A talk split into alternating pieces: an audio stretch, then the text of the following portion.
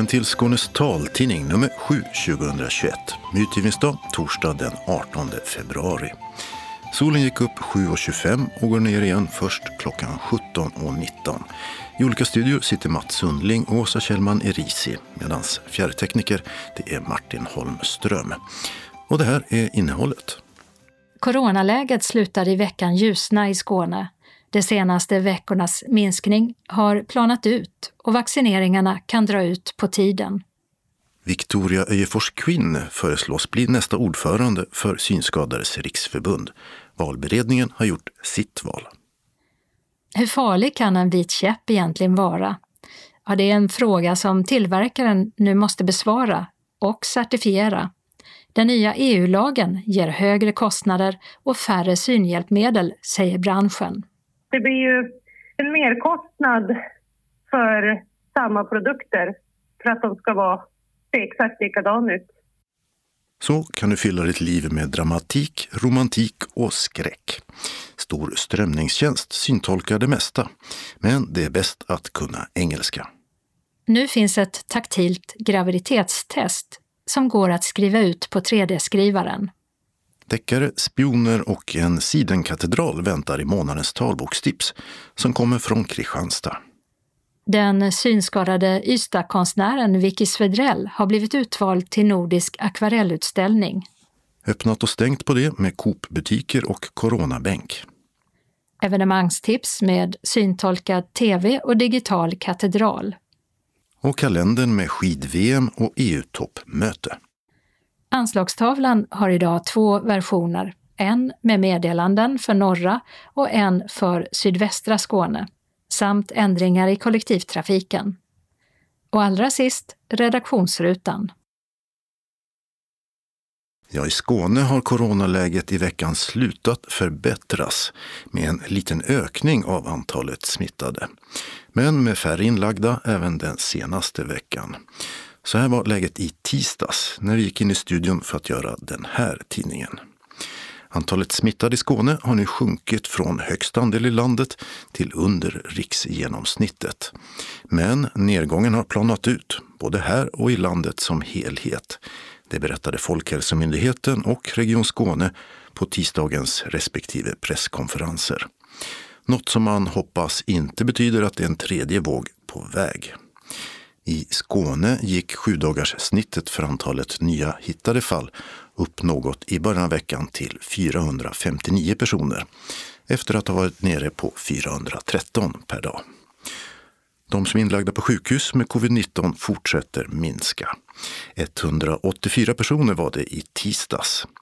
Sedan pandemins början i våras har nu nästan 105 000 skåningar konstaterats ha covid och över 1500 skåningar har avlidit i sjukdomen. Vaccineringarna fortsätter med de på boenden och med hemtjänst först i kön. Drygt 48 000 skåningar har nu fått en första dos och knappt 12 000 den andra och sista. Men brist på vacciner gör att den större gruppen i den så kallade priogrupp 2, som väntar härnäst med alla över 65 år, fortfarande lär få vänta till mitten på mars innan vaccineringen av dem startar. I förra veckan gjorde Region Skåne upp med 17 privata bolag om att de ska ta hand om en del, vid sidan av vårdcentraler och sjukhus. Men hittills släpar leveranserna från de tre godkända leverantörerna efter. Skåne uppges ha fått 300 000 doser färre än utlovat i februari. Och det gör att regionen nu är tveksam till om alla verkligen kommer att erbjudas vaccin innan midsommar, som är målet. Den skånske vaccinsamordnaren Per Hagstam sa i tisdags att han nu tror att 70 procent av skåningarna kan få i alla fall en första dos innan den sista juni. Victoria Öjefors Quinn bör bli nästa förbundsordförande för Synskadades riksförbund. Det föreslår förbundets valberedning inför kongressen i sommar, då en ny styrelse ska väljas. Victoria Öjefors Quinn har tidigare suttit i förbundsstyrelsen som bland annat förste vice ordförande. Och innan dess var hon ordförande för US, Unga med synnedsättning. 2017 lämnade hon förbundsstyrelsen och har numera uppdrag för SRFs lokalförening på Gotland, där hon bor. Det fanns fem kandidater till att ta över efter Håkan Thomsson och leda förbundet till 2024.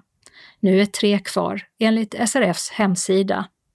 En av dem som då inte längre kandiderar till det är den tidigare förbundsordföranden Tina Numi Södergren, som valberedningen istället förespråkar blir vald till ny förste vice ordförande. I det valet ställs hon mot bland andra SRF Skånes ordförande Maria Torstensson. Som SRFs andre vice ordförande vill valberedningen se SRF Göteborgs Alireza Alipour, som också kandiderar till ordförandeposten. Den tredje kvarvarande kandidaten till att bli ordförande är Niklas Mattsson från SRF Halland. Maria Torstensson kandiderar också till andre viceposten som hon innehar idag, men då alltså inte som valberedningens förslag. Hon föreslås istället bli en av de tio övriga ledamöterna i förbundsstyrelsen. Synskadades riksförbunds kongress där valen hålls sker digitalt i juni i år.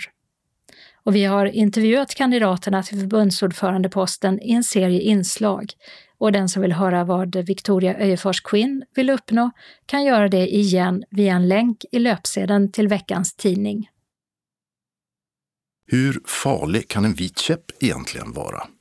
Ja, den 26 maj börjar den nya EU-förordningen om certifiering av medicintekniska hjälpmedel att gälla. Och den innebär att vartenda synhjälpmedel bland annat ska riskanalyseras. En som precis fått sina produkter godkända på det här sättet är enmansföretagaren Inger Sjölander i jämtländska Backe. Hon är Skandinaviens enda tillverkare av markeringskäppar och selar till ledarhundar. Och den nya så kallade MDR-certifieringen av dem kostar henne betydligt mer än tidigare. Den har ju inneburit eh, enorma kostnader i pengar. Från en årsavgift på kanske 5 000 kronor till Läkemedelsverket så kommer ju avgiften att höjas till 30 000 vad vi vet just nu.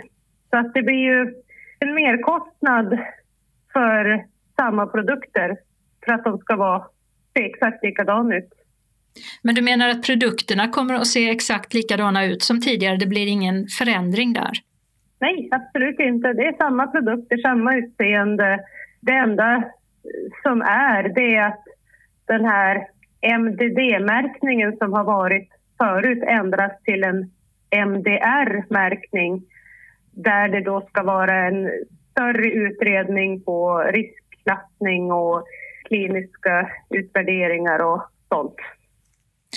Men de här utvärderingarna, hur eh, har du gjort dem då? För du har blivit, eh, fått den här certifieringen både på selarna och på käpparna. Ja, det har jag gjort tillsammans med en eh, konsult som jag har anlitat. Så min konsult som jag har, han gör CE-märkningar för andra företag. Så att han, har, han har hjälpt mig att göra det här och, så, och riskklassningen så att det ska vara enligt konstens alla regler. Men vad har han eh, gjort för någonting? För det första går man ju med riskklassningen då så går man ju igenom riskerna med mina produkter. Till exempel, för att dra det lätt, ja men eh, vad händer om min käpp går sönder när jag är ute och går? Jag kan få svårt att orientera mig hem. Det är en risk. Jag kan ramla. Det är en risk. Jag kan få pinnen i magen. Det är en risk. Lite så. Och är det du själv som har fått testa det här, vad som händer, eller är det då konsulten som har gjort det? Ja, jag och konsulten har gjort det här. Gör man det rent konkret då, alltså, eller hur bär man sig åt? eh, ja, lite grann är det så. Eh, man får ju gå ut och testa och se vad, vad kan hända om jag gör si eller om jag gör så. Men att anlita en konsult som ska hjälpa till att göra det här, det låter ju inte heller billigt. Eh, nej, det är det inte. Det är också en, en sån merkostnad som man inte har behövt förut. Och på branschorganisationen Svensk Syn, vars medlemmar till stor del är företag som är distributörer av synhjälpmedel, är man orolig för att den nya EU-lagstiftningen om medicintekniska hjälpmedel ska leda till färre synhjälpmedel framöver.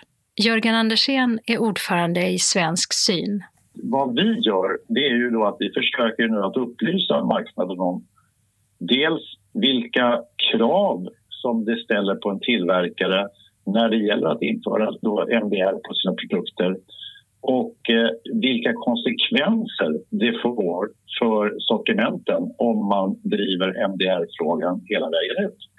Och vad menar du att det får för konsekvenser på eh, antalet produkter? Är det som så att de små tillverkarna inte mäktar med, antingen inte har kompetensen eller resursen att kunna då MDR-godkänna sina produkter så kommer sannolikt dessa försvinna från marknaden. Framförallt enklare produkter från mindre eh, leverantörer och det är faktiskt det, det stora flertalet.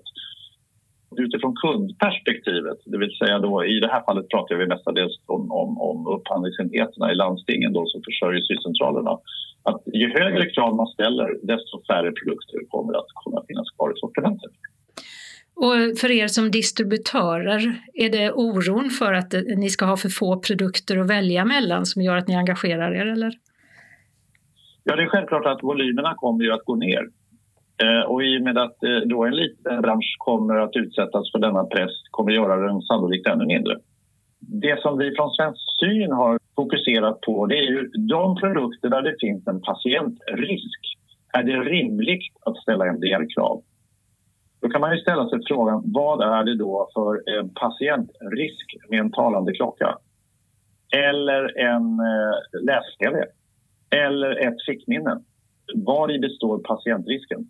Man skapar lite grann ett löjets skimmer genom att kräva saker som kanske tunga medicintekniska bolag, alltså krav som ställs på dem, vilket är rimligt. Så tycker vi att vi, vi, vi hamnar liksom i, i, liksom mitt emellanläge men hur skulle ni vilja att det såg ut då? För du säger att godkänna enligt MDR, det är bra i vissa fall, som till exempel eh, talande blodtrycksmätare eller talande febertermometrar. Men hur tycker ni att det skulle se ut? Om jag säger så här, I den bästa av världar så har vi en dialog med eh, kunden och givetvis även med tillverkarna att eh, vi förstår mycket väl att medicintekniska hjälpmedel handlar mycket om att du ska kunna ha en viss nivå av patientsäkerhet. När det gäller våra produkter som vi nu har sålt i, i decennier så finns det andra direktiv som är mer tillämpliga, tycker vi inom Svensk Syn, än MDR. Så direktiv som är rimliga och logiska men inte så extremt kostnadsdrivande som det medicintekniska direktivet det är ju patientsäkerheten som är en av de viktiga frågorna och spårbarheten. Då ställer man sig frågan vad har en talande klocka med patientsäkerhet eller en braille-display? Alltså I vår värld så är inte det här medicintekniska hjälpmedel. Men det är inte en konsumentartikel heller. Alltså det saknas någonting mitt emellan och det är den här dialogen vi skulle vilja ha med landstingen så att vi får liksom en samsyn på hur vi ska göra det så bra som möjligt för verksamheterna så att de får sina verktyg och se till att de behov som de synskadade har tillgodoses. Och för då eh, den som ska använda synhjälpmedel, vad blir följden av det här? Kategoriskt införande av MDR kommer betyda att det blir ett, ett, ett snävare sortiment. Mindre saker. Blir det dyrare? Det, det, är kostnadsdrivande. Och det är självklart, i och med att budgeterna inte ökar så är det ju bara en matematisk process att en dyrare produkt, det blir färre produkter i en budget. Tillbaka till Inger Sjölander i Backe, cirka 16 mil norr om Östersund i Jämtland. Sin verkstad har hon hemma på gården i ett ombyggt stall. Och hit får hon stora lädersjok som bearbetas och så småningom blir till ledarhundselar. Det som ska bli vita käppar kommer som sex meter långa aluminiumrör som kapas och arbetas fram till färdiga markeringskäppar. Och när hon först hörde talas om den nya märkningen så såg hon slutet för hela sin verksamhet. Jag tänkte att det här är min eh, undergång, tänkte jag. Men eh, med hjälp av eh, kunnigt folk så har jag gått igenom det. Och eh, var tar du igen kostnaderna som du då får extra för att ha den här märkningen? Ja, just nu så är de ju plockade ur, i princip ur egen ficka. Men det får jag ju ta igen eftersom. Jag tänker ju inte chockhöja mina priser för, för det här utan jag tänker ligga på samma som jag har haft. Jag, jag har den tron att jag kommer att jobba mig igenom det här. Jag ser det framför mig att jag kommer att gå fixa. Men i och med att ni då, du och konsulten går ut och testar vad kan hända, vilka risker finns och så vidare och du får den här MDR-märkningen, är produkten då säkrare för den som inte ser? Ja, den ska ju vara det. Har du ändrat mm. någonting efter det att ni gick ut och testade? Var det någonting som fick förändras? Nej, ingenting. Den är exakt likadan som den alltid har varit. Och det gäller selen också? Ja, det gäller selen också. Sen håller vi ju på att ta fram olika prototyper på selar för att möta brukarens behov. Så att eh, just nu så håller vi på att ta fram två stycken lättviktsselar eller vad man ska säga. För de har tyckt att den här som jag har haft, ja men den har varit lite tung och klumpig en del. En del tycker den är jättebra men då har vi gjort om den lite grann och så har, så att den är ute och testas nu i, i Stockholm av eh, SRF. Och hur känns det att ha den här märkningen nu då? Det känns eh, helt eh, fantastiskt. Alltså jag är jättestolt och glad över att eh, vi lyckas göra det här och att eh, mina produkter kommer att fortsätta att vara CE-märkta framöver och säljas som medicintekniskt godkända läkemedel. Det sa Inge Sjölander som tillverkar markeringskäppar och ledarhundsselar i Backe i Jämtland. Tidigare hörde vi också Jörgen Andersén, ordförande för branschorganisationen Svensk Syn. Och reporter var Åsa Kjellman Erisi. I dessa coronatider har det för många blivit mer hemmasittande än vanligt. Och då kanske en syntolkad film eller tv-serie kan vara av intresse. För den som har en dator och kan engelska finns det mycket att titta på, tipsar taltidningens Andreas Vidén. Ja, jag hade väl tänkt att eh, tipsa om ehm, Netflix som är en eh, streamingtjänst eh, där man kan titta på serier och filmer. Netflix har en del ehm, syntolkade program. Mestadels på engelska, så det är ju framförallt för de som hanterar engelska. Appen i sig är på svenska men syntolkningen och serierna är ju till största delen på engelska det mesta av det de gör, eller kanske till och med allt, på engelska är syntolkat? Eh, ja, om jag har förstått det rätt så allt, alla serier och filmer som de producerar själv eh, syntolkas eh, så som jag har förstått det. Mm.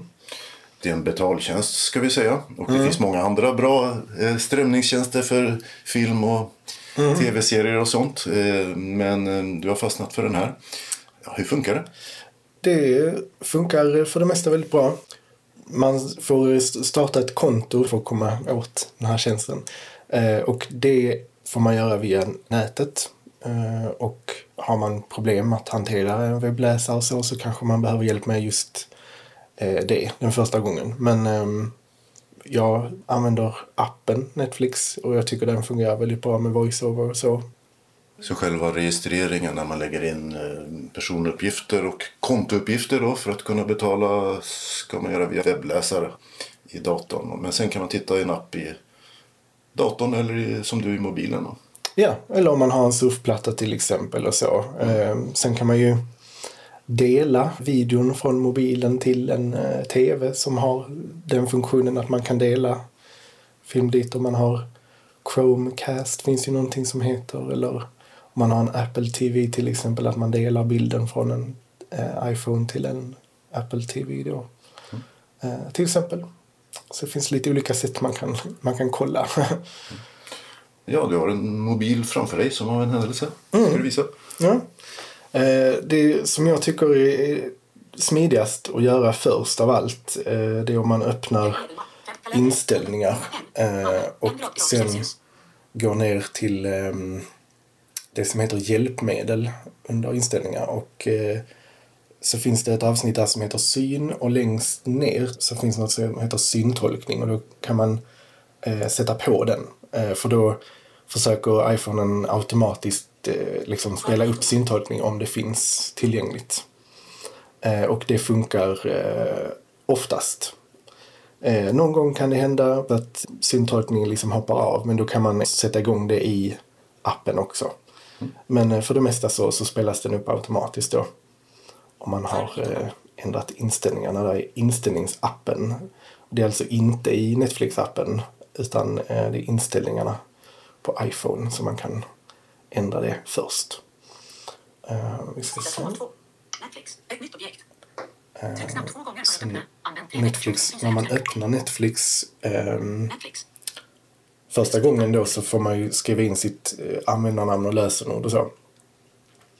Eh, men när man har gjort det så kommer appen ihåg det och eh, när man öppnar appen de andra gångerna sen så kommer den fråga vem det är som tittar. För man kan ha olika konton eh, om man är flera som delar på, eh, på det här abonnemanget då. Om man säger. Så att eh, då Redigera. Kan man redigera, lägga till konto. Det var min sambos konto. Markerat. Andy. Knapp. Och sen är det jag. Och då dubbelklickar man på det kontot man vill använda. För det kan hända att man eh, kanske vill titta på lite olika serier och lägga till olika favoriter. Så blir det lättare att ha olika profiler då. Som det Vad kallas. är, vad är dina favoriter just nu? Eh, jag gillar ju jättemycket komedi och liksom lite romantik och så. Min sambo tycker ju mest om skräck och ja, bedrövelse. så vi har, lite olika smak. Och då är det bra att ha två olika eh, användarprofiler så att ni inte råkar Ja. se fel program. Så att inte, inte jag behöver eh, få förslag på massa serier och grejer som jag inte vill se. Och, och för honom också. Ehm, för det är så att man kan lägga till då ehm, program och serier i sin lista och liksom tycka om eller ogilla en, en film eller serie. Och då försöker appen räkna ut att ja, men då kanske du gillar den här filmen och den här serien också. Så man får så här lite förslag emellanåt. Kan man få. Sen går det väl gissar jag då att söka. Om man Ja, oh har ja. hört att det finns Bron eller eh, Queens Gambit, en eh, omtalad schackserie Mm. eh, som går nu. Eller Bridgertons kostymdrama från 1800-talet är det väl. Ja. De har hur mycket som helst helt enkelt att, Ja. att titta på. Så går det väl att söka fram det också. Absolut, absolut. Eh, och den första sidan man eh, kommer här på när man öppnar appen och har valt sin profil då är eh, ja, där de föreslår liksom lite saker som de tycker att man ska titta på. Eventuellt. Jag brukar inte bry mig så mycket för på den sidan. Jag brukar veta ungefär vad det är jag vill titta på. Och längst ner så finns det olika flikar då som det heter. Så här är en flik som heter Hem. Kommer snart. En som heter Kommer snart. Serier och filmer som snart finns tillgängliga. Sök. Flik. 3 av 4. Sök Nedladdningar. Flik. och nedladdningar. Man eh, kan också ladda ner innehållet i mobilen så att man kan se det offline då. Eh, Det har inte jag provat. eh, Men det, det ska säkert funka jättebra. Sök. Flik. 3 av 4. Ehm, Det är liksom flikarna längst ner. Sen längst upp till, vad blir det, vänster. Publikt. Knapp. eh, Så finns det en knapp som heter Hem. Kontoinställningar. Knapp. kontoinställningar. Där kan man också eh, gå in för att leta fram sin lista. De titlarna man har lagt till på sin lista, liksom som favoriter typ. Att det blir liksom lättare att hitta. Eh, till exempel, men vi kan väl prova att söka här. Början. Då sätter den sig automatiskt i sökfältet där. Så ska jag skriva och då skriver jag sökning M. T. O. L. K. T. I. N. G. Spins. G. M. I. syntolkning på engelska. Syntolk, syntolkning på engelska. Sökfält. Ta bort sökresultat. Filmer och TV. Rubrik. Goofies. Knapp. Och då dyker det upp alternativ här då. Som matchar det man har sökt efter. Eh, då är det först olika små rutor med, med bilder på de här filmerna och serierna. Så. Mm. Jag ser Ehm. på din skärm här The Office, Mm. eh, The Crown, Cobra Kai, Suits.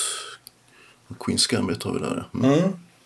Eh, sen under de här resultaten så kommer då eh, förslag på att ja, vill du titta vidare på olika saker som har med detta och detta att göra så försöker den eh, hitta liknande liksom, sökord eller fraser och så, så att man kanske hittar eh, andra resultat också. Men eh, här är ju några resultat. Kant, knapp. Kobra Kai, knapp. Familjen blir kartong, knapp. Superstore, knapp.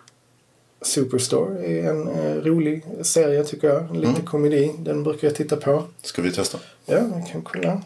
Superstore. Då dyker det upp en skärm där man eh, ibland kan se en sån här sneak peek eller en trailer för någonting. Eh, trailrarna är inte syntolkade men det är, ja, man får kanske en känsla ändå för vad, vad, det, vad det handlar om. Så. Spela upp förhand, förhandsvisning. Ljud av, knapp. Superstore. 98 procent. Topp 10. Fyrkant. Spela upp Superstore, knapp. Nu ska vi se, kan vi spela upp Superstore? Liggande. Hemknapp till höger. Stäng, knapp. The American Superstore. One stop shopping for everything you could ever want or need. Do you want to be thinner? A treadmill. Fatter? Ice cream. Happy? Åldersgräns 13 plus. Sadder? Are you looking Visa uppspelningskontroller, knapp. Sports fans. for solitude? Or even love? That's actually a cubic zirconia knockoff. It's called Plasticlear. What happened to the eight dollar ones? We're all sold out of those, sorry. But this one's only two dollars more. I get it. You advertise the cheap jewelry to get the suckers in the door, then you push the expensive stuff. Well, I wouldn't use the word suckers or expensive or jewelry. She forces a smile. Avbryt, knapp. Där fick vi väl ett exempel. Ja, det var, det var inte så mycket men eh, Ja, kortfattat sin tolkning. Om ja, Att hon eh, tvingar fram ett leende hos sig själv. För kunden som har kommit till affären. The Superstore där. Ja. Eh, hur bra är syntolkarna skulle du vilja säga? eh, generellt skulle jag säga att de är väldigt bra. Lite beroende på serie och så, så är det ju lite olika mycket. Eh, det beror lite på hur, hur pauserna ser ut också för att de syntolkar ju emellan att folk säger saker eller så. Och, och vissa saker går väldigt snabbt och då kanske syntolkningen halkar lite efter. Och så. Så det, men, eh, men generellt så tycker jag att det funkar jättebra. Eh, och det är ju liksom fantastiskt ändå att det, det är så pass mycket eh, på engelska då i alla fall som, som är, blir tillgängligt för mig att titta på. Ja, det är en av de stora strömningstjänsterna. Men det finns ju andra som sagt. Eh, ja, en mängd. Eh, HBO, och Viaplay och Disney Plus och eh, en lång rad andra. Hur är det med mm, tillgängligheten och syntolkning där? Eh, nu har det, känns det som att det har tillkommit några stycken nu på sistone eh, och de har jag ingen koll på faktiskt. Men jag vet att jag har kollat HBO eh, någon gång och Viaplay eh, Eh, och det är ju väl i och för sig ett tag sedan. Men då fanns det ingenting syntolkat egentligen. Sen vet jag att det finns Apple TV Plus också. Apple har ju en egen sån här streamingtjänst. Där finns ju lite syntolkat i alla fall. Eh, och det är också engelska då. Eh, och det, är väl, det är väl mest det. Syntolkning på svenska är väl framförallt SVT och TV4 då. Ja, svenska är ju ett mindre språk om man ser det globalt sett. Medan engelska är ju ett mycket större språkområde. Och Netflix ja. är en global aktör. Ja, och det blir väl liksom eh, mer lönsamt så för det är fler som kan ta del av det. Alltså så. På engelska det är ju ändå rätt så många i världen som hanterar det. Det sa Andreas Widén, vars ledarhund Tass också kunde höras bidra till inslaget med några snarkningar. Mats Sundling intervjuade och har du som hör det här kanske ett tips på något som andra kan ha nytta eller nöje av, något stort eller litet vardagstips som kan göra livet enklare eller roligare? I så fall får du gärna höra av dig. Telefonnummer och liknande har du sist i taltidningen. I Storbritannien har synskadeorganisationen RNIB tagit fram en prototyp till ett helt tillgängligt graviditetstest. Istället för att resultatet visas antingen som till exempel en färgändring eller som text på en liten skärm så trycks taktila pluppar ut på ovansidan vid ett positivt resultat. Och det här rör sig om en prototyp som inte kommer att tillverkas för försäljning. Och den är en del av är en IBS-kampanj, Design for Everyone. som vill visa att det går att göra tillgängliga produkter. De hoppas att den ska inspirera företag att ta fram fler produkter som fungerar för alla. Och för den som vill prova och har tillgång till en 3D-skrivare så finns ritningar och instruktioner till testet att ladda ner gratis. Sara Danius Sidenkatedral Svensk underrättelsetjänst gånger två deckarklassiker från 1940-talet, Agatha Christie som den ena huvudpersonen i en roman samt en kanaltur som ger tipsaren lust att själv ge sig ut i båt. Det är ingredienserna i februari månads talbokstips som kommer från Karin Gustafsson och Stefan Sjölund på Stadsbiblioteket i Kristianstad. Stefan först. Då börjar jag med att berätta om Lars Wilderängs redovisningsavdelning Marviken. Talbok med text 11 timmar och 24 minuter. Inläsare är Anna Döbling. I den här boken möter vi Tor, gift, barnlös men med hund. Han är officer inom en hemlig operativ avdelning inom den svenska underrättelsetjänsten. Med mycket kort varsel, ofta bara ett par timmar, kan han och hans kollegor få order om att befinna sig på en viss plats med vapen i hand och avstyra planerade terrordåd. Uppgifterna de behöver för att utföra uppdragen är kusligt exakta och kommer från en källa som är så hemlig att bara ett ytterst litet fåtal känner till den. Tors nyfikenhet på den här källan växer sig efterhand allt större. När han gör sina efterforskningar motarbetas han först. Han kallas till psykologsamtal och ifrågasätts både gällande mental och fysisk hälsa. Han får genomföra fysprov och klarar sig med ett nödrop. Men han ger sig inte och i efterhand mynnar ut i att han får ett erbjudande om förflyttning till det hemligaste av det hemliga. Organisationen som heter Redovisningsavdelning Marviken. Berättelsen utspelar sig i Sverige i en nära framtid. Men under tiden man läser så dyker upp detaljer här där som skiljer sig från dagens Sverige. Och det får så småningom sin förklaring. Det här är en äventyrsberättelse som har inslag av både science fiction och historisk roman och jag fann den väldigt underhållande. Ja, och eh, sen eh, fortsätter du med eh, en historia som inte ligger framåt i tiden utan lite längre bakåt. Lite bakåt och lite framåt och den är lite besläktad också. Den trettonde bomben av Mats Svensson. Ett talbok med text, 6 timmar och 43 minuter. Inläsare är Kim Hermansson. Och den börjar år 1972. På Kallinge flygbas i Blekinge startar ett Viggenplan målat helt i svart. Strax efter start uppstår problem och piloten blir tvungen att överge planet som störtar. Vi förflyttar sedan raskt till nutid. Polisen Alina Dragovic jobbar på kontraterroristenheten i Skåne. Det dyker upp underrättelseinformation om vad som skulle kunna vara en terroristcell. Alina och några kollegor ger sig iväg för att intervjua en person som bor ute på en hästgård. Det visar sig att personen de ska tala med är piloten som kraschade med Viggen 1972. Plötsligt utbryter en eldstrid på gården och en av Alinas kollegor mister livet. Samtidigt som Alina bearbetar fallet med eh, dödsskjutningen och den här informationen om terror så nås en journalist av hemligstämplad information som berättar vad Viggenplanet egentligen var till för och vad det bar i sin last. Även det här är en fartfylld roman med vissa kontrafaktiska inslag som tangerar Lars Wilderängs historia. Den tar inte ut svängarna fullt lika mycket och är något mer realistisk, fast inte så mycket mer. Och eh, sen så har du bytt till en eh, svensk författare som definitivt inte sysslar med eh, någonting som tangerar terrordåd. Det är en riktig gammal goding. Eh, jo, det var det att jag fick för mig att jag skulle återknyta bekantskapen med Stig Tremper. Och de har jag ju läst tidigare för många år sedan naturligtvis. När jag tog upp dem igen så tyckte jag upplevelsen var riktigt trevlig när jag läste debuten. Så jag fortsatte med bok två och tre. Och det är de här tre som jag ska berätta om här. Och då är det Ingen kan hejda döden från 1943.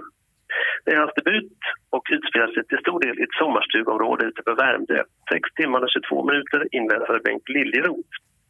Eva Lund, sångstuderande och sommarstugägare, löser mysteriet tillsammans med kommissarie Arthur Lind. Evas hushållerska hittas skrämd till döds på en skogsstig och ytterligare en person stryps med ett rep. Upplösningen visar sig ha kopplingar till vårt grannland Danmark. Trenters andra bok är Som man ropar från 1944. 8 timmar 59 minuter inläsare Tore Bengtsson. Handlingen rör norsk motståndsrörelse och otäcka Gestapo-agenter. Journalisten Gerhard Andersson tvingas ta semester tidigare än beräknat. Och ont om pengar som han har så vet han inte riktigt vad han ska ta sig till. Han får dock låna en väns sommarstuga som ligger nära norska gränsen. Under sin vistelse där råkar han ut för en märklig händelse. Han hittar en livlös man nära ett ötetorp och medan han springer iväg för att hämta vatten försvinner kroppen och i det stället dyker en vacker kvinna upp som förnekar att det ska ha legat någon skadad man på marken. Gerhard börjar tvivla på sig själv. Har han hallucinerat och drömt allting? Tillbaka i Stockholm dyker den livlöse mannen upp igen och den här gången är han verkligen död och Gerhard blir misstänkt för mord. Han hinner jagas av både polis och tyska agenter och undkomma flera mordanslag innan äventyret är slut. I farlig fåfänga, 10 timmar 23 minuter, inläser Göran Svensson. Också utgiven år 1944. Då får vi för första gången träffa Stig Tenters kanske mest kända romanfigur, fotografen Harry Friberg. Friberg har arbetat hårt med att bygga upp sin fotateljé under flera år och ska nu ta sig några veckors semester. På en restaurang träffar han sin gamle skolkamrat Paul Groth som är konstnär och precis ska ha vernissage. Vernissagen blir en stor succé och Friberg bjuds in till fest uppe i konstnärens bostad på Fåfängan. En höjd med fantastisk utsikt mot inloppet i Stockholm. Den unge konstnären faller under kvällen ut för ett stup och slår ihjäl sig. Var det en olyckshändelse, självmord eller rent av mord? Ja, jag är ju gammal stockholmare och Trenter-fan sedan tonåren och har läst om böckerna med god behållning själv. Men vad tycker du? Hur eh, håller eh, de här historierna och intrigerna från 40-talet fortfarande? Alltså man får ju ta det som de är. De är ju liksom en... De, samhället var då, kvinnosyn och sånt där. Gammaldags känns det ibland, då, vilket är naturligt, för det är ju inte modernt. Men eh, deckarintrigerna, de är ändå underhållande och intrikata, menar Stefan Sjölund. Och om nu Stig Trenters 1940-tal kunde bjuda på gammaldags kvinnosyn så är Karin Gustafssons första boktips raka motsatsen. Ja, jag har valt en bok av Sara Danius. Den heter Sidenkatedralen och andra texter. Det är en talbok med text 10 timmar 22 minuter. Inläsare Elisabeth Thorborg. Sara Danius, författare, professor i litteraturvetenskap, ledamot av Svenska Akademin. Hon avled 2019 och denna bok gavs ut postumt 2020. Det är en samlingsvolym med tidigare publicerade artiklar och essäer i olika ämnen. Till exempel förord till nyöversatta klassiker som Flauberts Madame Bovary och Mary McCarthys Gruppen. Här finns texter om nobelpristagare som Svetlana Aleksijevitj och Bob Dylan. Sara Danielsson var mycket modintresserad och flera av texterna handlar om olika kläddesigners. Texten som fått ge namn åt boken, Sidenkatedralen, och texten Klädd för stål nummer sju förenar Daniels arbete inom Svenska Akademin med hennes modintresse. Hon beskriver hur hon kontaktat designern Per Engsheden för en beställning av klänningar till inträdesceremonin och till Nobelfesterna. Hon anknyter till Selma Lagerlöf, den första kvinnan i akademin vars stol hon är stolt över att få inta. Och I boken finns också Daniels inträdestal om sin föregångare Knut Ahnlund. Andra texter handlar om olika fotografer, ursprungligen till olika utställningar. Välkända fotografer som Irving Penn, men även om mer okända. Och boken avslutas med Danius sommarprogram i radions P1 från 2013 då hon valdes in i Svenska Akademin. Hennes vinterprogram från 2014 och slutligen hennes sommarprogram från 2018 då akademin skakades av krisen med anledning av anklagelserna mot den så kallade kulturprofilen och då hon till slut tvingades bort.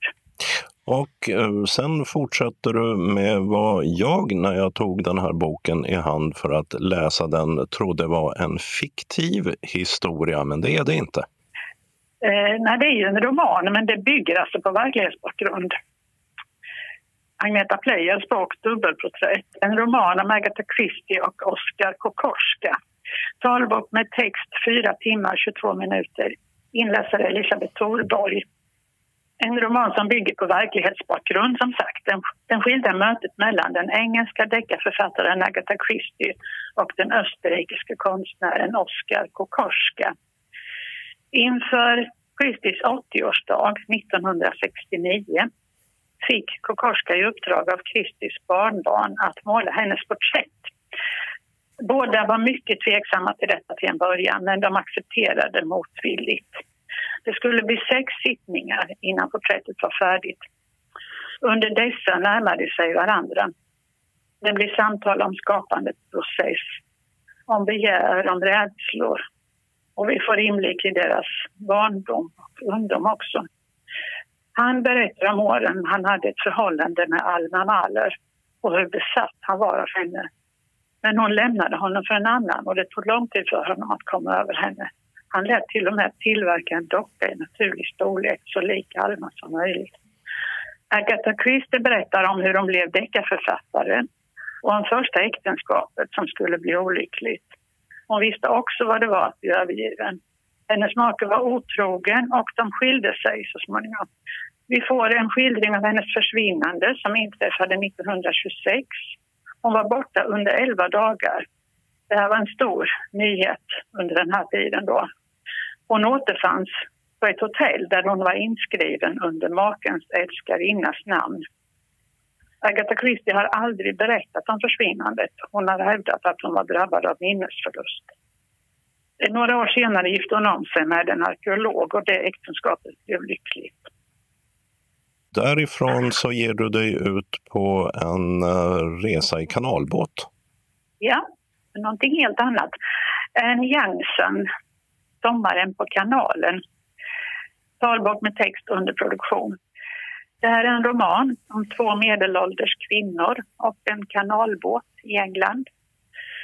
Eve, som precis har lämnat en framgångsrik yrkeskarriär och Sally som just har sagt till sin man att hon vill skiljas efter 25 år. De båda möts av en tillfällighet vid en kanal. Och precis när de passerar en båt som ligger förtöjd så börjar en hund på båten att yla. I tron att det är en nödsituation slår de sönder en ruta och släpper ut hunden. I samma stund kommer ägaren till båten, en äldre kvinna som heter Anastasia. Och det visar sig att hunden inte alls var i nöd, men att däremot kvinnan är det. Hon är allvarligt sjuk och behöver läggas in på sjukhus för operation. Problemet är att hennes båt måste transporteras till en annan stad för underhåll. Hon behöver någon som kan göra det åt henne. Detta kommer mycket lägligt för Eve och Sally.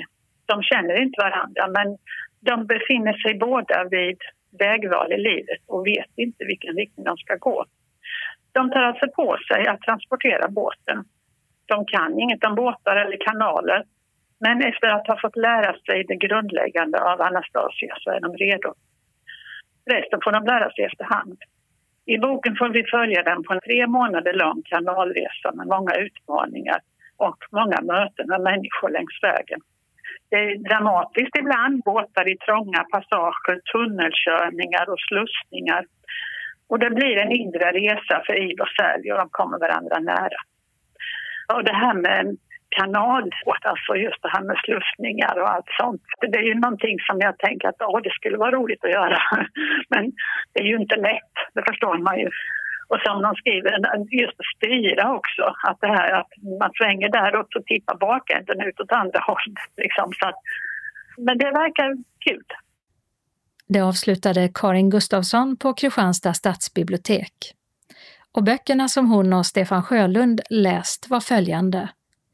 Sidenkatedralen och andra texter av Sara Danius. Den finns även i punktskrift. Dubbelporträtt av Agneta Pleijel, även den också i punktskrift. Sommaren på kanalen av Ann Jansson och den beräknas vara klar 20 mars. Redovisningsavdelning Marviken av Lars Wilderäng finns också i punktskrift. Den trettonde bomben av Mats Svensson samt Ingen kan hejda döden, Som man ropar och Farlig fåfänga, alla av Stig Trenter, De senaste två finns i punktskrift också. Reporter var Dodo Parikas. En gång vart tredje år anordnar Nordiska akvarellsällskapet en jurybedömd utställning med deltagare från hela Norden. En del även från andra länder. Denna gång är utställningen digital och en av de utvalda är Ystad-konstnären Vicky Svedrell som blev synskadad efter en hjärnblödning. Och hennes utvalda akvarell heter Ensamt träd. Jag har liksom bara låtit eh, bilden målas sig själv. Jag tyckte det blev som ett ensamt träd som stod där lite i vinden. Och jag har den framför mig. Eftersom det är en digital utställning så kan jag sitta här i studion och ta del av bilden. Och om eh, jag ska beskriva den så är det blått på vänster sida. Och sen är det som en rot som går ut till höger och uppåt och blir brun och så småningom grön. Eller är jag ute och cyklar och du har sett någonting helt annat än jag ser? Egentligen hade jag väl inte någon direkt tanke att det skulle vara träd. Det var egentligen min dotter också. Tillsammans döpte vi tavlan. Jag såg det sedan att jo, det kan det vara.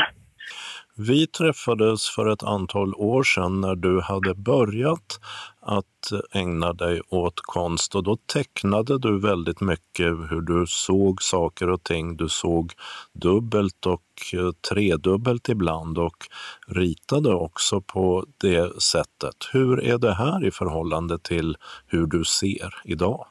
Uh, ja, jag har faktiskt inte målat så mycket i den stilen nu utan jag har mer gått in för ja, experimentera med färger, alltså måla mer abstrakt. Så att jag gärna vill fånga mer stämningar. Man kan väl säga att jag har funnit min egen röst, så att, säga, att jag målar mig inåt. Det det är många som tittar på bilderna som tycker det. Och så att man kan se helt olika saker i tavlorna. De tycker det är väldigt kul. Jag tycker det är spännande att väcka åskådarens fantasi. Det kan vara ett minne och det kan vara en känsla och det kan vara en dröm.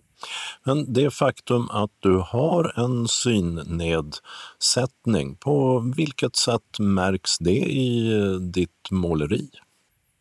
Ja, det är väl just det här att, att jag, jag skulle ju kunna måla exakt om jag verkligen koncentrerade mig en stund. Men det anstränger mig väldigt mycket. Och så nu känner jag att jag hellre vill göra det här. Och visst, det är ju mycket friare och det gör att jag inte behöver ha det här exakta seendet. Utan jag kan vara mer fritt skapande. Och du behöver inte anstränga den syn du har för att måla på det här viset, är det det du säger? Ja, inte så mycket som om jag hade målat mer traditionellt kan man väl säga. Nu har jag ju med mina glasögon har jag fått att, att de har stängt av det vänstra ögat, alltså det är helt frostat. Jag ser egentligen bara med höger öga än mitt bästa öga.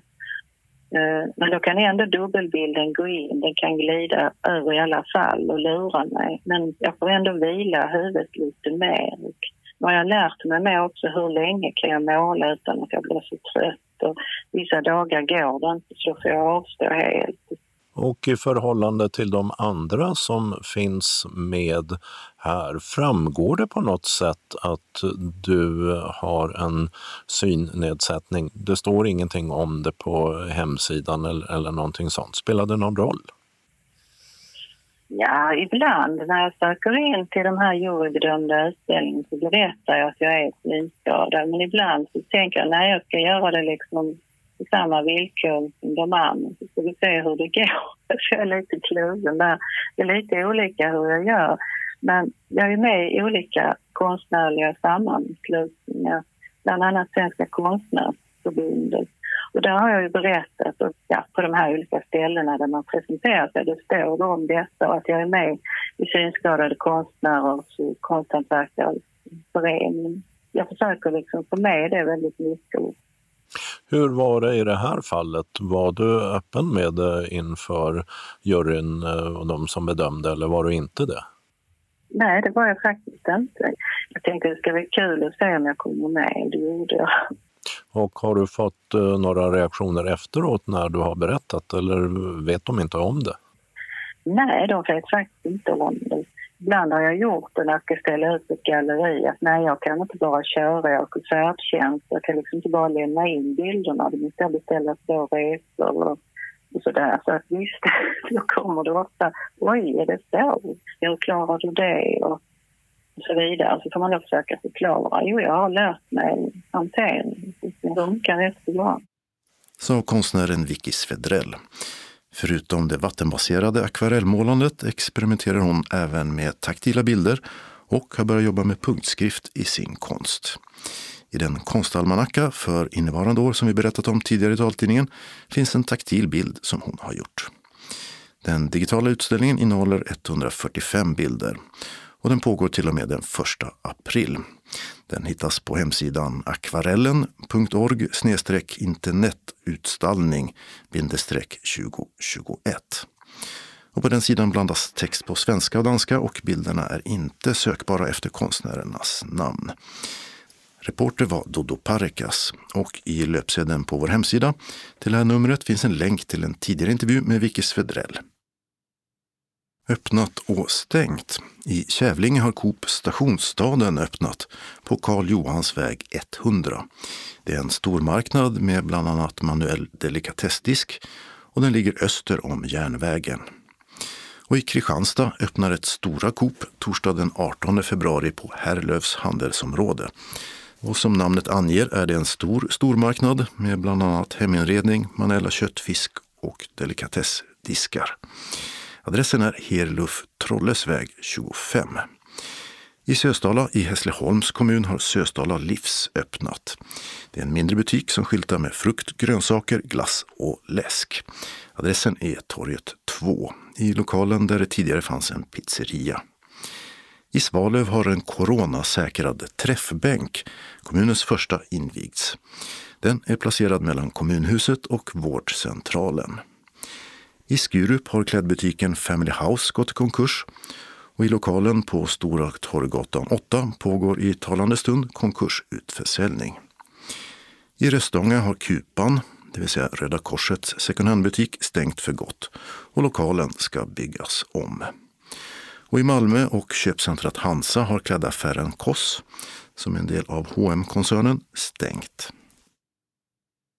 Evenemangstips och som det är i dessa tider så kan evenemang naturligtvis ändras eller ställas in. Så det här är vad som gäller när vi läser in den här tidningen. Och vi börjar med syntolkad TV. TV-serien Seniorsurfarna säsong 2 har syntolkats och finns tillgängligt på UR Play från och med idag, torsdagen den 18 februari klockan 02. Serien handlar om hur man till exempel gör ärenden, roar sig och kommunicerar på nätet.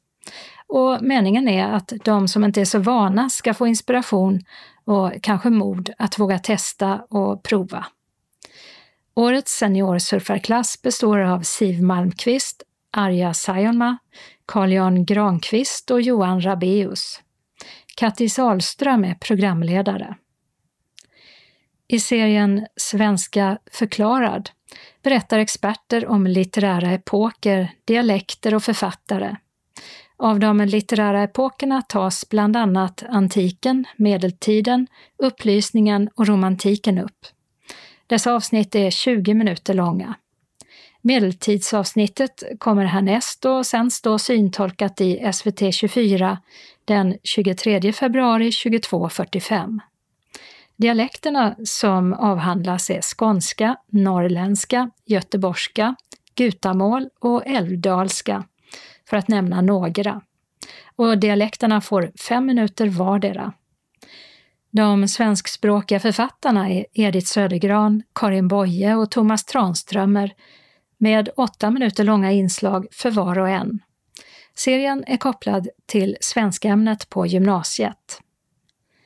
För äldre förskolebarn fortsätter UR-serien Djuren på Djuris med första sändning 28 februari 14.00 i barnkanalen SVT B.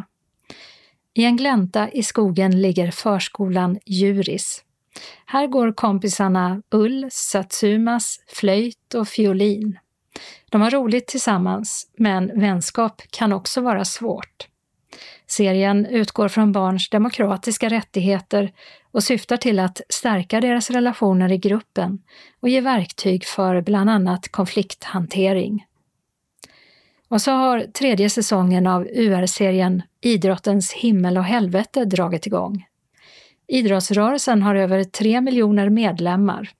Hur barn och unga inom den leds och fostras spelar roll för samhället. Serien granskar och belyser problem som både idrottare och idrottsledare ställs inför. Alla fyra serierna finns att titta på UR Play på nätet.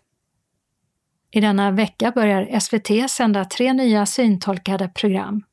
Designhistorier började redan den 17 februari och första delen handlade om textilkonstnären Märta Mås Fjätterström, berömd inte minst för sina vackra mattor som fortfarande tillverkas i Båstad.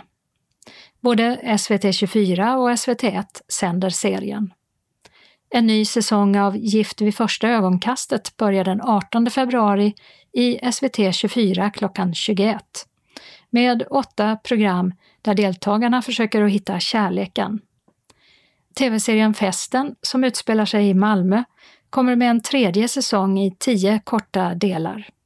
Liksom tidigare sänds serien först som webb-tv och kommer i tablå senare. Den 19 februari klockan 16 läggs första avsnittet upp på SVT Play. Och de båda tidigare säsongerna ligger kvar på SVT Play för den som vill börja från början.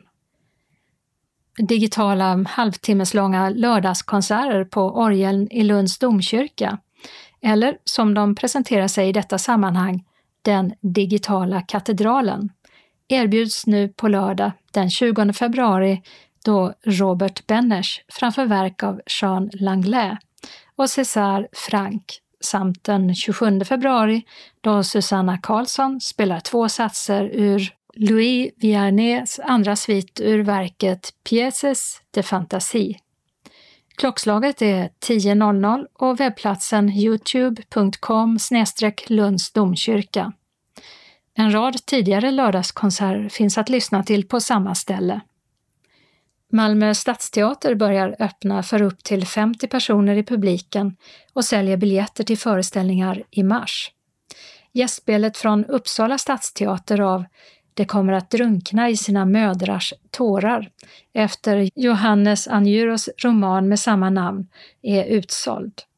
När detta nummer av taltidningen görs finns biljetter till Meningen med döden, Trots pjästiteln och ämnet är det ett lekfullt och absurt sång och musikdrama om livets stora fråga med en blandning av jazz, rock och reggae av musikdramatikern Erik Gideon. Föreställningen spelas på Intiman i Operahuset och enligt de uppgifter vi fått från Stadsteatern kommer föreställningen inte att syntolkas. Biljetterna kostar 175 till 420 kronor Platser finns till den 24, 25, 26, 27, 30 och 31 mars. Pjäsen ges även i april och maj. Dörrarna till salongen öppnas en halvtimme före föreställningen. Publikvärdar hjälper till att placera publiken med coronaavstånd och därför är man inte garanterad den sittplats man valt. Garderoben är stängd för att undvika köbildning och det blir inte heller någon servering i foajén. Biljettinformation Malmö stadsteater, telefon 040 20 86 10. Kalendern för vecka 8 börjar med måndagen den 22 februari då Pia har namnsdag. Och för alla skolelever i Skåne är det sportlov. Det är tio år sedan jordbävningen i Christchurch på Nya Zeeland ägde rum och vid skalvet omkom 181 personer. Sångaren och låtskrivaren Robin Stjernberg, bördig från Hässleholm, fyller 30 år. Han representerade Sverige i Eurovision Song Contest 2013 i Malmö med låten You och hamnade då på en fjortonde plats. Tisdagen den 23 februari har Torsten och Torun namnsdag och prinsessan Estelle fyller nio år. I riksdagen är det debatt som bland annat handlar om covid-19-pandemin och sen följer interpellationsdebatter där Sverigedemokraterna ställer en fråga om färdtjänstlagen till infrastrukturminister Thomas Eneroth, Socialdemokraterna. De undrar varför barn och unga som sportar och är rullstolsburna endast får ta med sig en rullstol i färdtjänstbilen, även om de behöver en speciell rullstol för att kunna utöva sin sport. Debatterna direktsänds i riksdagens webb-tv från klockan 13. Det hålls ett digitalt internationellt symposium om Antarktis ekosystem i ett förändrat klimat. Sverige är ordförandeland för CCAMLR, Kommissionen för bevarande av marina levande tillgångar i Antarktis. Och inledningstalar det gör kronprinsessan Victoria. Frågor som ska diskuteras är vilka som är de största utmaningarna för hållbar förvaltning av Antarktis idag. Och syftet med symposiet är att väcka intresse för och belysa svensk Antarktisforskning och öka förståelsen för hur forskning och förvaltning av Antarktis hänger ihop. Skådespelerskan och komikern Ulla Skog fyller 70 år. Hon har bland annat spelat teater med Stockholms stadsteater och Fria Proteatern. Och hon har också medverkat i tv-serien Lorry och långfilmerna Yrrol och En på miljonen. Onsdagen den 24 februari har Mattias och Mats namnsdag. Och enligt bondepraktikan så omtalas det att om det stormar på Mattiasdagen så kommer sjöarna att bli rena. I riksdagen är det utrikespolitisk debatt från klockan nio på morgonen. Utrikesminister Ann Linde, Socialdemokraterna, inleder debatten som äger rum varje år med att presentera regeringens mål och prioriteringar för utrikespolitiken. Och aktuella frågor som säkert kommer upp är coronapandemin och Rysslands egensinniga agerande med utvisning av diplomater som fått både regeringen och EU att protestera, samt förgiftningen av oppositionspolitikern Alexei Navalny, massgripanden med mera. Och sen följer en debatt om de olika riksdagspartiernas syn på utrikespolitiken och allt direktsänds på riksdagens webb-tv. I never expected it to. Don't cry for me, Argentina. The truth is, I never left you. All through my wild days, my mad existence, I kept my promise. För 75 år sedan vann Juan Perón det argentinska presidentvalet. Han var sedan Argentinas president till 1955. Men en stor del i att han vann valet det var hans hustru Evita Perón. Hon blev mycket älskad av de fattiga och införde också rösträtt för kvinnor i landet. Här är det Madonna som sjunger Don't cry for me Argentina från filmen Evita. Men makarna styrde landet med järnhand och inte minst Evita Peron blev också mycket ifrågasatt. Den norska statsministern Erna Solberg fyller 60 år. Sedan 2004 är hon partiledare för Höyre och 2013 blev hon vald till landets statsminister. Torsdagen den 25 februari håller Europeiska rådet ett av sina fyra toppmöten under året. Men denna gång möts stats och regeringschefer i en videokonferens som pågår även den 26 februari. En av huvudpunkterna är covid-19 och coronapandemin. Vad gör EU? En annan fråga som tas upp är EU-samarbetet om säkerhet och försvar. VM i skidor inleds i Oberstdorf i Tyskland och de första tävlingarna är i sprint, klassisk stil både för damer och herrar. Sigvard och Sivert har namnsdag. Fredagen den 26 februari har Torgny och Torkel namnsdag. Regissören Richard Günther fyller 60 år.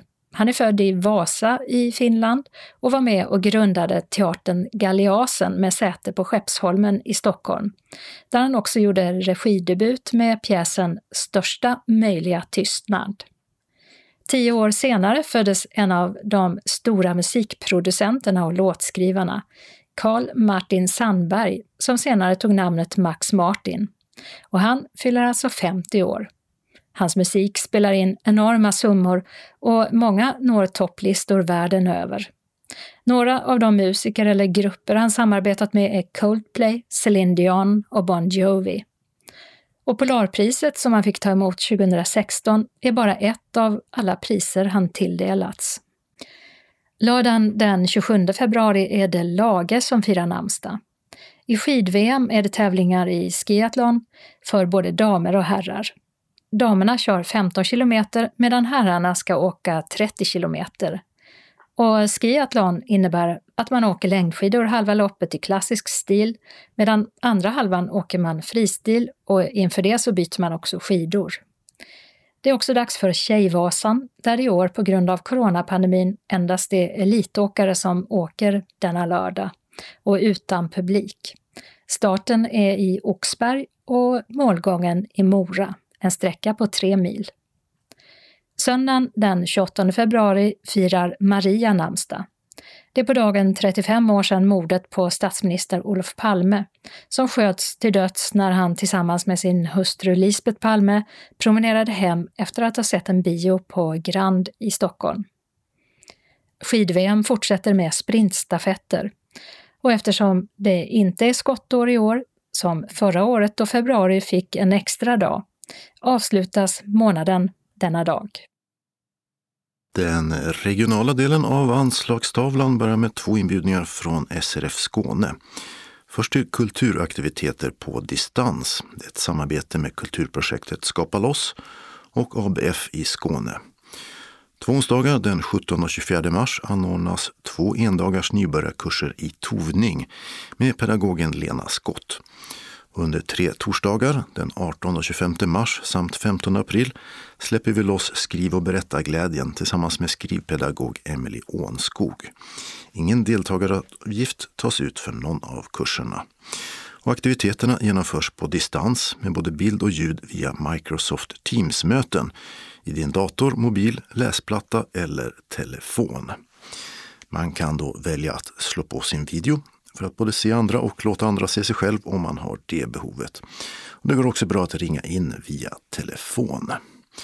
Kursen är alltså Berättarglädje den 18 och 25 mars och den 15 april klockan 18 till 19.30. Då lär vi oss våga berätta om hur din synnedsättning påverkat ditt liv. Emily delar med sig av sina skrivtips under första halvtimmans föreläsning. Därefter samtal, frågor och svar med deltagarna. Aktiviteten består av tre delar med avslutning med två synskadade författare och en hemlig gäst. Föreläsningarna spelas in och sänds till deltagarna som kursmaterial. Och kursen avslutas med att Emily läser ditt manus och ger dig synpunkter på texten.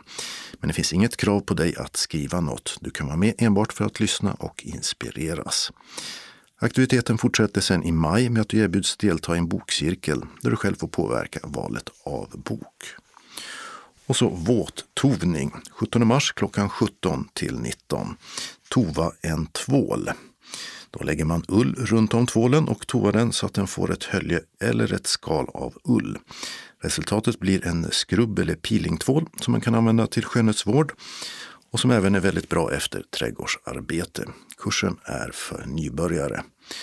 Nåltovning sen blir det den 24 mars 17 till 19 då vi får lära oss att tova vår egna påskkyckling. Här använder vi en speciell nål som heter filtnål. Den har så kallade hullingar på sidorna som gör att den drar med sig den torra ullen när man sticker eller nålar i ull. som man formar till olika former. Och på denna kurs kommer vi att tova en enkel form som vi gör till en kyckling. En bra grund för många andra figurer. Och den här kursen är för nybörjare. Material till båda kurserna i Hull kommer att skickas hem till deltagarna i brev utan extra kostnad. Och det går bra att anmäla sig till båda kurserna eller enbart en. Antalet platser är begränsade. Anmälan ska ske till SRF Skånes kansli på telefon 040-777 75 eller via mejl till srfskane srfskane.se. Sista anmälningsdag är den 26 februari. Meddela vilken eller vilka kurser du önskar delta i. Din anmälan är registrerad först då kansliet bekräftat att den mottagits. Och I bekräftelsen kommer även utförliga instruktioner om hur du ansluter dig till Teams. Mer information om kursen Berättarglädje kan du få från Jan-Olof Asp på telefon 070-554 36 28 eller mejl jan-olof.asp srfskane.se. Och Lis Marmorg vet mer om tovningskurserna. Telefonen 242 60 74 eller mejl till liss med två gmail.com. Välkommen hälsar arbetsgruppen för kultur och fritid. Den andra inbjudan från SRF Skåne har rubriken Rösten bakom talboken. Lördag den 20 mars berättar Dodo Parikas om hur det är att vara inläsare av talböcker. Mötet sker helt digitalt med bild och ljud direkt i din dator eller mobil. Även du som vill lyssna enbart kan göra det i din vanliga telefon. Mötet sker via Microsoft Teams. Och ett testmöte för att kolla tekniken och orientera sig i Teams-miljön genomförs onsdag den 17 mars klockan 18 till 19. Hur du kopplar upp dig kommer detaljerade instruktioner om i bekräftelsemejlet du får när du anmält dig. Doro Parkas är en känd röst som vi ofta möter i Skånes taltidning. Nu berättar han bland annat om kontakter med läsarna eller lyssnarna. Sista anmälningsdag är fredag den 26 februari klockan 12. Och vid anmälan behöver SRF Skånes kansli din e-postadress och mobilnummer. Anmäl dig på 040-777 75 eller på mejladressen srfskane srfskane.se. Tiden för lördag den 20 mars är klockan 9.30 till 10, tid för uppkoppling. 10 till 12 sker föredraget med tid för frågor och 12.15 till 12.30 har vi utvärdering och avslutning. Och du betalar ingen deltagaravgift. Frågor om träffen besvaras av aktivitetsansvariga Maj-Britt Ryman. E-post majbritt.ryman gmail.com eller telefon 070 070-324 6609 eller av mötesmoderatorn Jan-Olof Asp 070-554 36 28. Varmt välkommen hälsar arbetsgruppen för kultur och fritid. Vi har några tillfälliga och regionala förändringar i kollektivtrafiken innan vi fortsätter med lokala meddelanden. I Helsingborg drar ombyggnaden av Knutpunkten, eller Helsingborg C, ut på tiden och de vanliga busshållplatserna fortsätter att vara ersatta av tillfälliga inne i fjärrbussterminalen ända till den 5 mars klockan 16.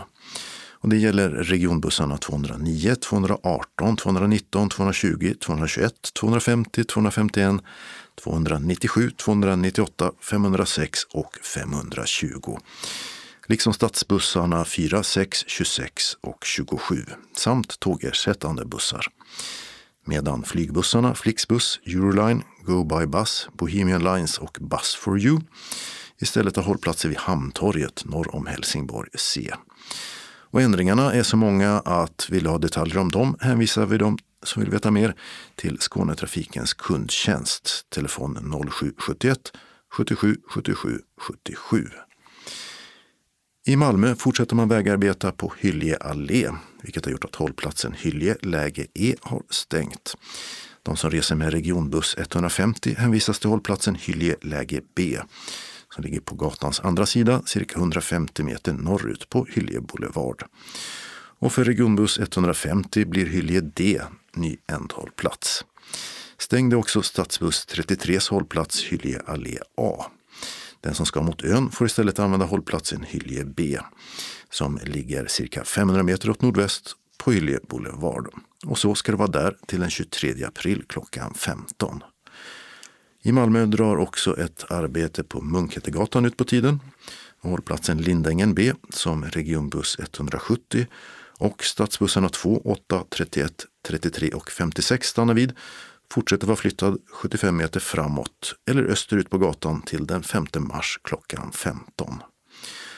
Och i Kristianstad slutligen pågår ett kortare arbete på Vattentornsvägen som fram till den 19 februari klockan 16 stänger hållplatsen Norre Tullsgatan A.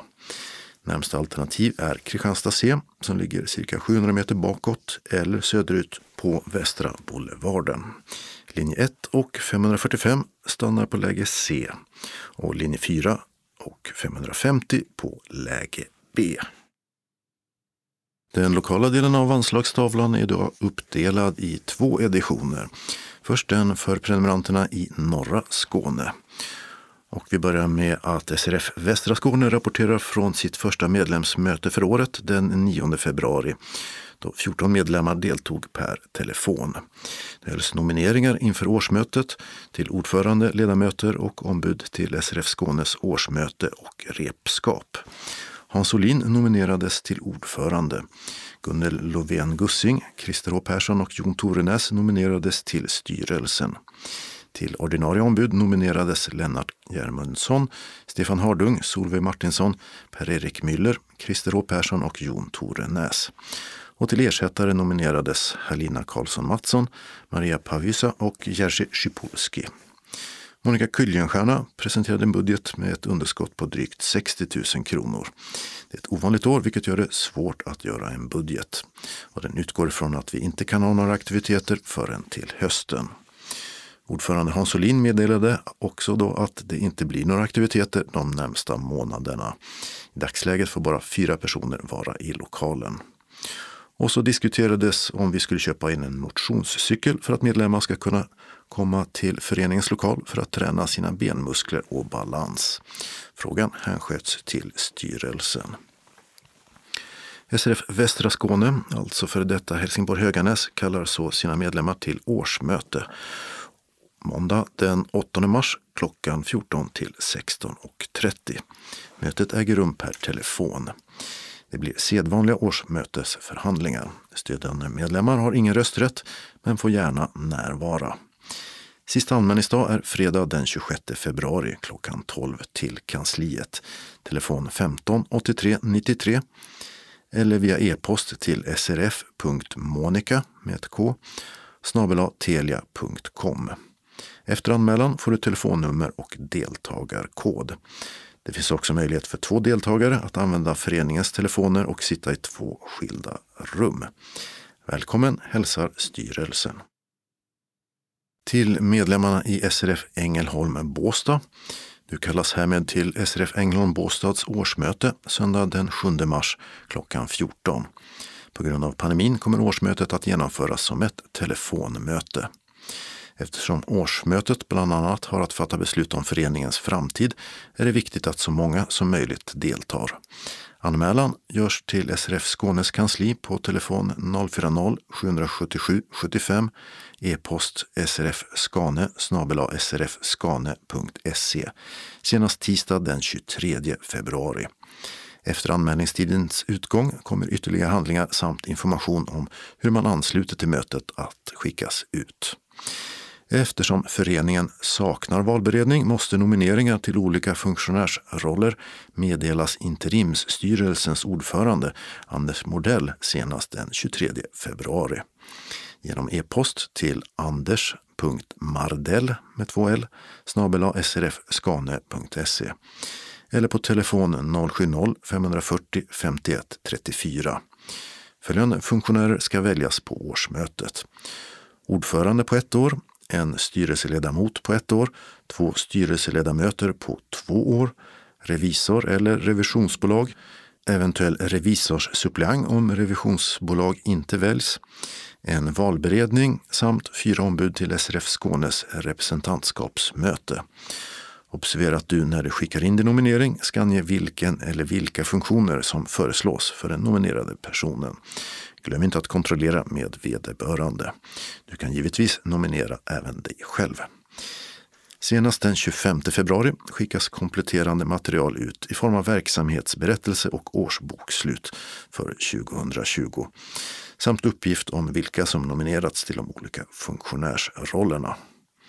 Har du frågor rörande årsmötet är du välkommen att kontakta interimsstyrelsens ordförande Anders Modell via kontaktuppgifterna som tidigare angetts. Undertecknat styrelsen. Den lokala delen av anslagstavlan för sydvästra, mellersta och sydöstra Skåne börjar med en kallelse från SRF Malmö Svedala till årsmöte lördag den 13 mars klockan 13 per telefon.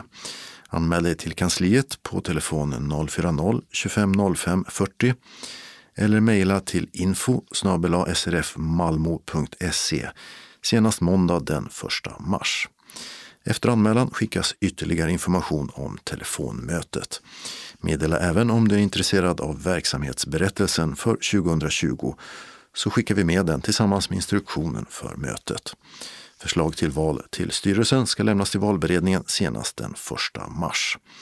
Hjärtligt välkommen hälsar styrelsen. Och SRF Trelleborg med omnejd kallar också dem till årsmöte. Detta lördag den 6 mars klockan 14. Det hålls som telefonmöte.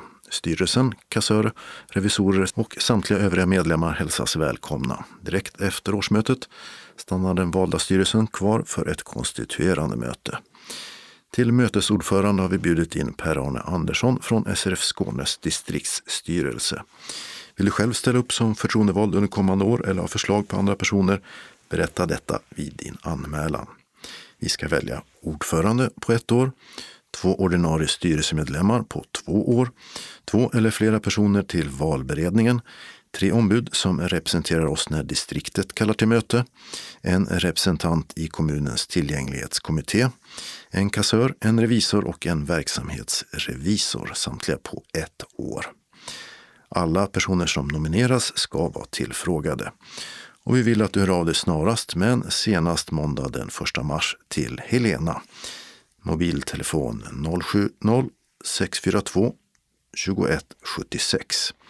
E-post siffran 1 följt av Helena Lindell med två L snabel gmail.com. Efter anmälningstidens utgång kommer du att få telefonnummer, en kod och instruktioner om hur du kopplar upp dig till mötet. Meddela vid anmälan om du vill ha något av följande dokument, antingen digitalt eller på svartskrift. Verksamhetsberättelse, årsbokslut och revisionsberättelse för 2020 samt budgetförslag och verksamhetsplan för 2021. Och vi vill även påminna om att medlemsavgiften ska vara betald senast den 28 februari så att du kan delta på årsmötet. Väl mött hälsar styrelsen. Och det var allt vi hade att bjuda på i veckans Skånes taltidning. Nästa nummer kommer nästa vecka med utgivningsdag torsdag den 25 februari. Skånes taltidning ges ut av Region Skånes psykiatri och habiliteringsförvaltning. Ansvarig utgivare är Martin Holmström. Postadress Jörgen Ankersgatan 12, 211 45 Malmö. Telefon 040-673 0970. E-post Skanes taltidning snabela skane.se och hemsida skanestaltidning.se. Vi hörs igen. Hej då!